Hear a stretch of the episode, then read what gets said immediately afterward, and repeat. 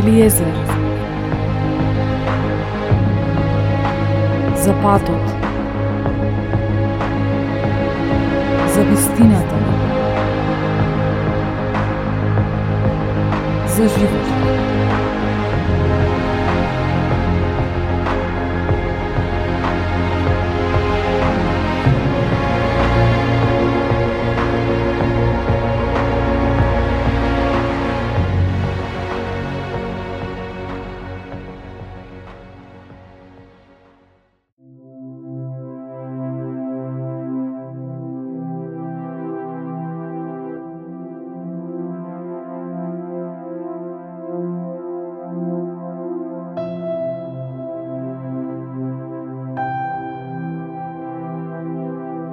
Почитувани слушатели, добро дојдовте во ново издание на емисијата Елиезер. Денес имам гостин. Станува збор за теологот и пастор Ацо Митев. Денешната тема, верувајте дека е интересна.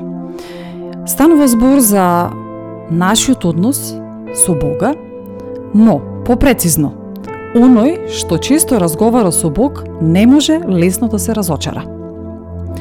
Секој човек во текот на животот ќе доживее разочарување. Било тоа да е по собствена вина или предизвикана од друга личност или ситуација. Секој од нас разочарувањето го поднесува и се соочува различно. Некој ќе се повлече во себе, некој ќе пламне во гнев и така натаму. Но она за кое можеме сите да се согласиме дека никој не сака да биде разочаран. Разочарувањата струјат од сите можни страни, и тоа разочараност од себе си, разочараност од семејството, од обштеството, од светот, од се што го обкружува човекот. Например, не сме внимавале на нашата исхрана, или пак, од друга причина, сме се здебелиле, па сега не сме задоволни со нашиот изглед и тоа доведува до разочарување. Или сме вложиле време, енергија за да бидеме успешни да добиеме одредено работно место, а тоа не се случило – па ни прилетуваат секакви мисли на фрустрација, тага и слично. Во нашиот разговор сакаме да се насочиме кон најважната личност за нас, а тоа е Бог. Може ли Бог да ни помогне, да не утеши, да ни укаже на тоа што треба да правиме за да не се разочараме? Можно ли е тоа? Да. Човекот може да се разочара од самиот себе. Што значи тоа да се разочара од самиот себе? Тука има многу нешта за набројување. Човекот може да се разочара од својот изглед, на пример, односно да се смета себе си дека е грд и недобар физички. Многу луѓе бараат решение па дури и прават пластични операции за да си го подсредат својот лош изглед, велам лош, во наводници. Тој фокус на грдост ги прави луѓето да се чувствуваат лошо и непријатно. А што е многу важно, Тоа ги прави да бидат многу несреќни, фрустрирани. Сум слушал сведоштво од некој кој не може да се прифата такви какви што се. Па дури го обвинуваат Бог што ги создал грди според нивниот фокус. Тоа за мнозина не представува проблем, но за некој и текако е голем проблем. Еве да земеме пример – Многу жени се несрекни поради својот изглед ако се подебели од оние што ги гледаат на реклами. Тоа за нив е фрустрирачко, се чувствуваат секојш во некоја подредена состојба дека не вредат како другите, бидејќи имаат повеќе килограми. Земам вакви примери бидејќи на вистина се актуелни и мнозина имаат набиено комплекс на мала вредност. Некои млади се разочарани од семејството, затоа што се родени во сиромашно семејство. Зашто си мислат ако биле родени во побогато, ќе успееле како и другите. Или некои се разочарани од родителите. Доколку таткото е алкохоличар и го малтретира семејството, многу деца се повредени од таквите родители, бидејќи такви, таквите обично нон-стоп се караат, па и се тепаат. Тоа е ужасна состојба да се живее во вакво семејство. Некои други се разочарани затоа што родителите не живеат праведен живот. Ја изневеруваат брачната постела и децата тоа го знаат и тешко им паѓа таквиот начин на живење на родителите. Дете што се срамува од родител се чувствува многу јадно и бедно. Познавам такви кои до денешен ден имаат траум. А што се однесува за разочарувањето од обштеството, тоа е честа појава. Некои млади одат на училиште со ентузијазам дека кога ќе завршат, ќе се вработат и ќе имаат убав солиден живот. Тоа им е во нивните мисли, копнеат да го остварат тоа. Но кога ќе завршат, ќе се соочат со нешто што не го размислувале никогаш, односно дека нема работа за нив. Ќе се гледаат дека се со протекции, со привилегии. Некои се запослуваат на места каде што не се квалификувани, а тие што се квалификувани остануваат дома и заради тоа се разочаруваат и не ја сакаат дури и земјата, татковината. Затоа многу млади луѓе го бараат решението во Германија, во Швајцарија или во некоја друга земја, мислејќи дека тоа им е излезот. Но не знаат колку е тешко да работиш во туѓа земја и да печалиш. Таму си како роб, и тешко може некој да стане богат. Но ете, ги има таквите разочарувања, но важно е да знаеме дека не е тоа завршетокот на се, бидејќи има решение и за тоа. Во сите овие разочарувања, најважно е да се свати, да свати човекот дека Бог може да му помогне и да го ослободи од таквото нешто. Тоа ќе го споредам со една старозаветна личност по име Јавис. Тоа е запишено во прва летописи, четврта глава, десетиот стих. Таму се вели вака. Јавис го повика Израелевиот Бог, велејќи. Ако ме благословиш на вистина, прошири го моето подрачи. Твојата рака нека биде покрај мене и запази ме од злото, за да не се измачувам веќе. И Бог го исполни тоа за кое му се молеше. Што забележуваме во овој стих? Јавес го повика Бог. Тоа е многу важно да го повикаш Бог кога се разочаран. Повикувањето не е правење некој обред, туку тоа се зборови кои се упатуваат кон Бог. Зборови кои излегуваат од нашата уста, исто како кога ние разговараме еден со друг. Библијата вели дека молитвата на верникот има голема сила. Тоа значи дека со повикувањето на Бог Бог го свртува неговото уво кон тебе и те слуша. Неговото слушање е внимателно, бидејќи на вистина сака да им помогне на сите кои се разочарани. Понатаму вели, запази ме од злото, за да не се измачувам веќе. Неговото разочарување е било големо, и затоа Јавис го молел Бог и барал помош. Дали ја доби помошта? На крајот од стихот го имаме одговорот. Јавис ја доби помошта и вели. Бог го исполни тоа за што му се молеше. Еве ги резултатите секој се видливи, кога го бараме Божјото присуство во нашиот живот.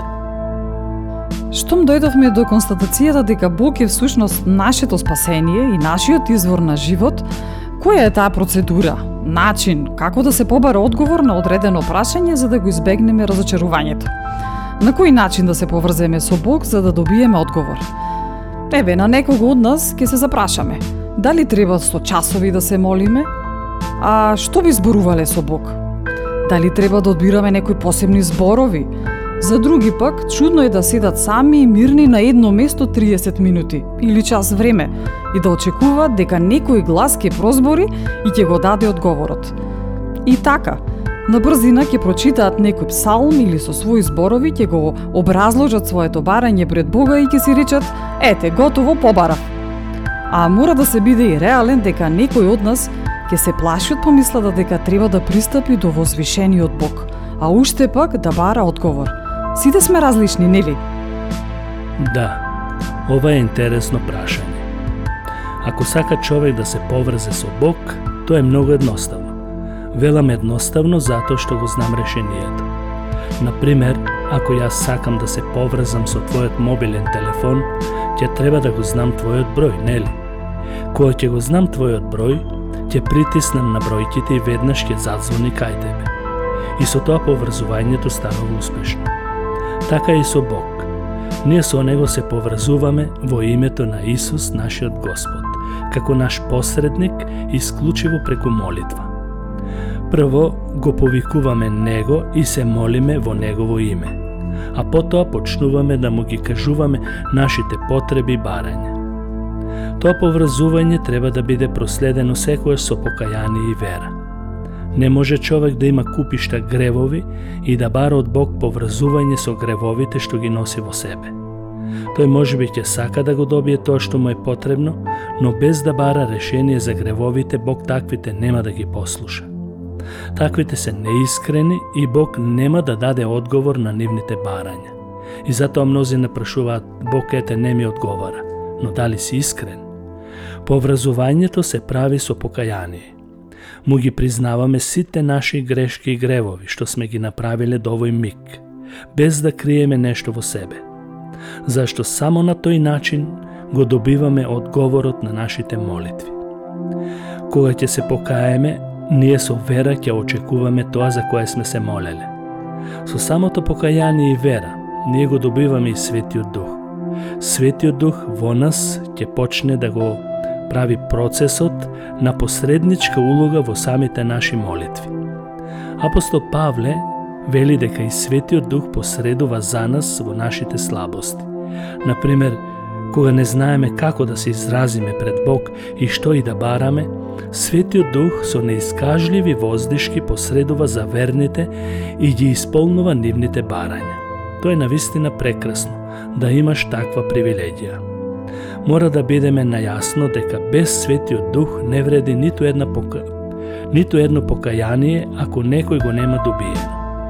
Бог го праќа само на оние кои искрено се каат од своите гревови. Треба да се каже и тоа дека на Бог не му се потребни долги молитви. Што значи сега тоа? Тој знае се однапред. Молитвите треба да бидат кратки и искрени. Но сепак, со тоа не сакам да кажам дека ако е долга молитвата не е искрена. Туку, сакам со тоа да кажам дека Бог нема да послуша некого само затоа што прави долги молитви, туку ако е искрена и водена од Светиот Дух. Кога станува збор за обраќањето кон Бог, едно од најважните нешта е нашето трпение, избувливоста, духот на бунтовноста, непонизноста – Штом нешто не оди по нашите планови, во голем дел вината ја префрлуваме на Создателот.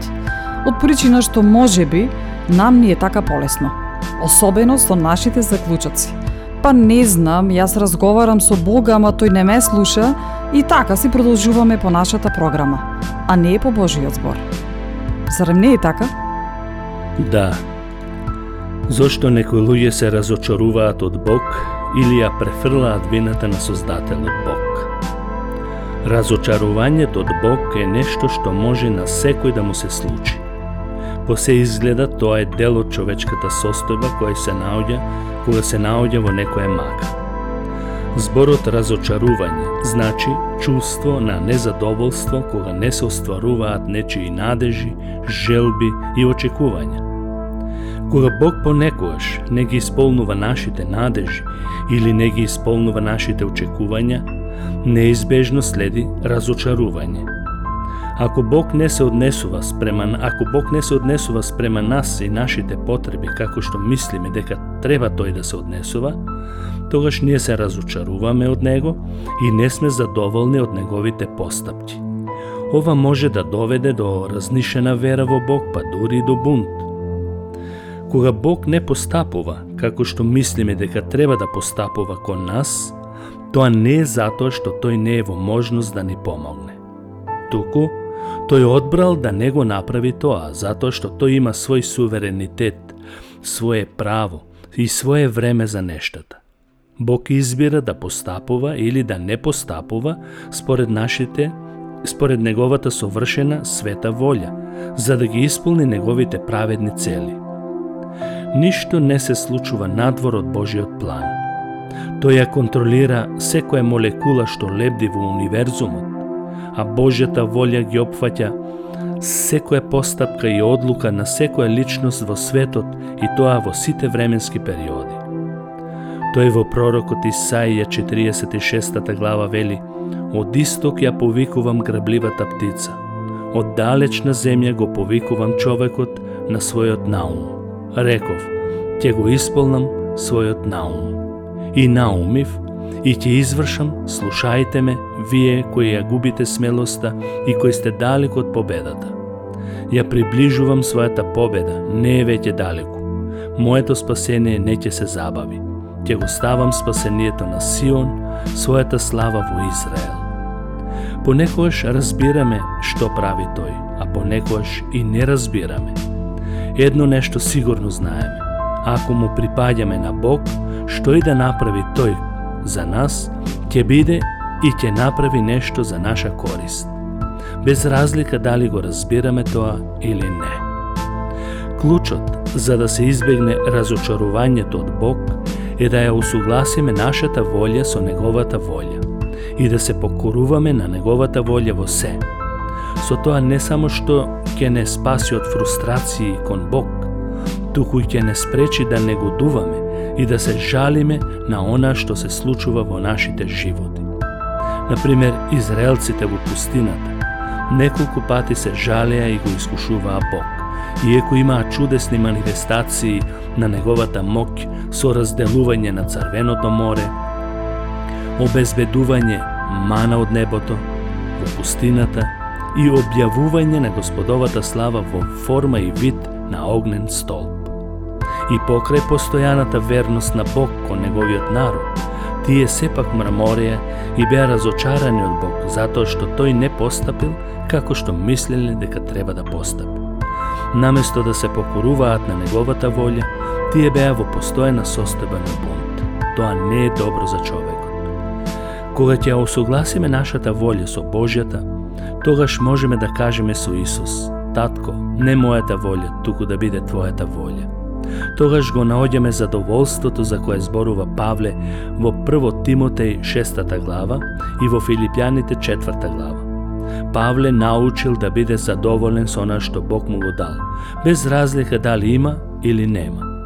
Тој му веруваше на Бог и секогаш беше послушен на неговата света волја, знаејќи дека Бог е свет праведен, љубов и милостив и ќе ги комбинира сите нешта за негово добро, бидејќи тоа беше неговото ветување кон него.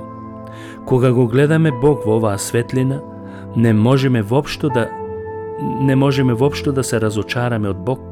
Наместо тоа, ние доброволно му се покоруваме на нашиот небесен татко, знаејќи дека неговата волја е совршена за нас и дека се што дозволува да минуваме во нашите животи ќе биде за наше добро и за Негова слава.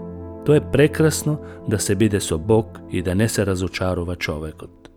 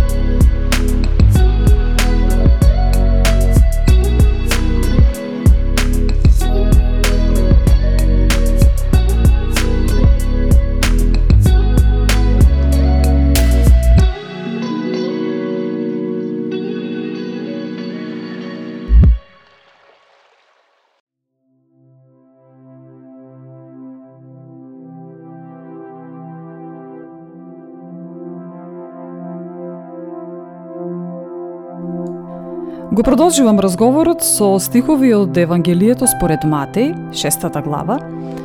Затоа ви велам, немојте да се грижите за душата, што ќе јадете или што ќе пиете, ниту за телото, во што ќе се облечете. Зар не чини душата повеќе од храната и телото од облеклото? Погледајте ги птиците небески. Тие ни сеат, ни жнеат, ниту во амбар собираат, но вашиот Отец ги храни. Зар не сте вие многу поскапи од нив? А кој од вас, грижејки се, може на својот раст да му придаде макар еден лакот? Зошто се грижите за облеката? Погледајте ги полските кринови, како растат. Не се трудат, ниту предат, но ви велам, дека ни Соломон во целата своја слава не се облече така како еден од нив. Па ако полската трева, што денеска постоја, утре во оган се фрла, Бог така ја облекува, а колку повеќе вас, маловерни. Па затоа, не грижете се и не говорете што да јадеме или што да пиеме или во што да се облечеме, зашто сето тоа го бараат незнабожците. А вашиот Отец Небесен знае дека за сето ова имате потреба. Но барајте го најнапред царството на Бога и неговата правда, и се ова ќе ви се придаде. И така, немојте да се грижите за утре, зашто утрешниот ден ќе се грижи за своето. На секој ден доста му е неговото зло. И постои ли начин на Пишаново да се реализира, тоест да не се грижиме? Во овие стихови во Матеј се нагласува Божјата грижа за неговите созданија. Во нив имаме сигурност дека Бог ќе се грижи до крајот на светот за неговите деца. Бог во овие стихови ни гарантира дека секојаш ќе имаме храната, односно јадењето, пиењето и облеката. Многу луѓе живеат само за земните работи, но тоа не е најважното. Најважното е да го имаш Бог во своето срце, односно да го бараме прво Божјото царство и неговата правда. Кога го бараме Божјото царство и неговата правда, тоа ни го спасува животот од смрт и пропаст. Ако го бараш Божјото царство, тоа значи дека се стремиш за живот по смртта. Смртта не е крај на се. Смртта е тек почеток на новиот живот во Христос. Нашето живеалиште не е на овој свет, туку на другиот, каде што ни се гарантира вечен живот ако веруваме во Исус нашиот Спасител. Затоа не дозволувај поради јадење, пиење и облекување скапи облеки да го занемариш вечниот живот. Проблемот на, чове, на човечкото срце е секојаш она видливото, во што да се облечам за да бидам подобар или подобра. Луѓето мислат дека авторитет градат ако се убаво облечени. Може би во овој свет до некаде им одговара таков начин на живење. Друго е кога ќе видиш некој човек како е убаво е дотеран, а друго е кога некој ќе видиш некако недотеран. На ваков начин си го губат авторитетот и популарноста. Во овој свет така изгледаат нештата. Но, Исус не сака неговите деца да, да се облекуваат и да им станат приоритетни а, облеките. Тие да го командуваат нашиот живот и постојано да се мисли на тоа. Апостол Петар, например, вели дека жените не треба да чезнеат само за скапи облеки и скапоцени накити, туку во скриениот човек, во внатрешноста, со смиреност и кроткост да се облекуваат на себе си. Потоа додава дека така се облекувале светите жени во Стариот Завет и со тоа се стекнувале со авторитет и слава. Тука е спомната Сара, сопругата на Авраам. Бог тоа го цени и сака да бидеме скромни во тој поглед. Се што треба да украсуваме и да му даваме важност е нашиот духовен живот, да го негуваме и збогатуваме. Истото тоа се однесува и за храната. Храната не смее да биде број еден во нашиот живот, да живееме само за да јадеме. Може да се претвори во лакомство, а лакомството е грев. Исус дава важност на душата. Ако душата не е спасена, со што сакаш облекувај се, не вреди ништо. Или ако сакаш јади ги најубавите, најскапите храни на светот, тоа нема да вреди ништо ако душата е изгубена. И затоа Исус вели што вреди на човекот ако го придобие целиот свет, а е изгуби на крајот својата душа. За привршување на нашиот разговор би го поставила следново прашање. Има ли нешто добро и позитивно во разочарувањето? Штом веќе го доживуваме, можеме ли перцепцијата за нештата да, да ја промениме? Што се однесува за ова прашање, би рекол следново. Добро ми дојде што пострадав, за да се научам на твоите повелби. Или заповеди. Вели псалмистот. Ќе појдам од овој стих за да одговорам на ова прашање. Да го земеме за пример Јов. Јов беше многу богат човек и праведен. Се плашеше од Бог и бегаше од злото. Но еден ден се случи нешто неочекувано, по човечки речено, изгуби се што имаше. Му остана само жената за утеха. Но дури и таа не му даде утеха кога му рече да го похули Бог и да умре. Јов ги изгуби сите во семејството, освен жената. Имаше синови и ќерки, но тој ги изгуби бидејќи според Божјата дозвола така требаше да се случи. Сатаната мислеше дека ќе се откаже од Бог, кој ќе го снајде ова зло. Но тој не се откажа, кога изгуби се и кога имаше тешка болест на себе. Токуште повеќе се молеше и бараше помош од Бог. Со ваква цврста вера, тој му докажа на сатаната и на светот дека служењето на Бог не е само кога имаш се околу тебе, кога си богат, кога имаш деца, внуци и слично. Туку, служењето на Бог не зависи од ваквите околности. Оно што има љубов кон Бог, ќе му служи и во добро и во зло. Јов докажа дека имаше голема љубов кон Создателот, кон Бог. Од оваа трагедија Бог направи големо дело. Поточно, му се родија повторно синови и ќерки на Јов, и Јов виде голем благослов до крајот на животот. А добитокот и сите животни што ги имаше во домот му се удвостручија. Бог му даде длабока старост и заврши неговиот живот во ситост и благослов. Тие не се лесни периоди, но се важни да сватиме дека служењето на Бог е приоритет број еден во нашиот живот. Со служењето му даваме слава на Бог и примаме благослов. Угледајте се на Јов во тој поглед. Почитува Нацо Митев, ви благодарам за вашето гостување, за вашето издвоено време, за овој прекрасен разговор. Сигурна сум дека кај нашите слушатели предизвикавме барем одредена желба, доза на желба, да размислуваат токму на оваа тема и секако, помошта да ја бараат само од Бога. За крај на ова издание завршувам со Псалм 141. Господи, Те повикувам, побрзај кон мене. Послушај го мојот глас, со кого викам кон Тебе. Нека се издигне мојата молитва како темјан пред Твоето лице.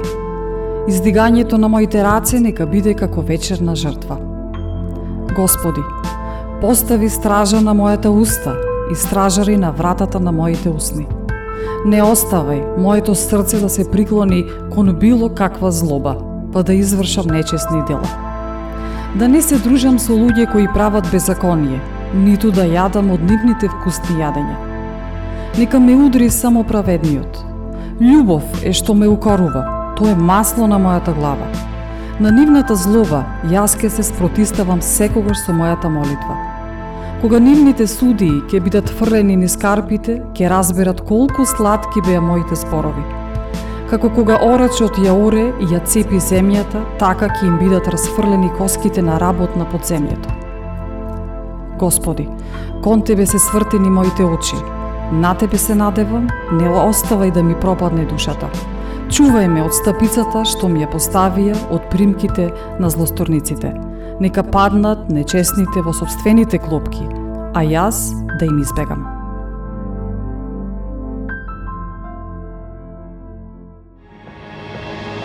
Елиезер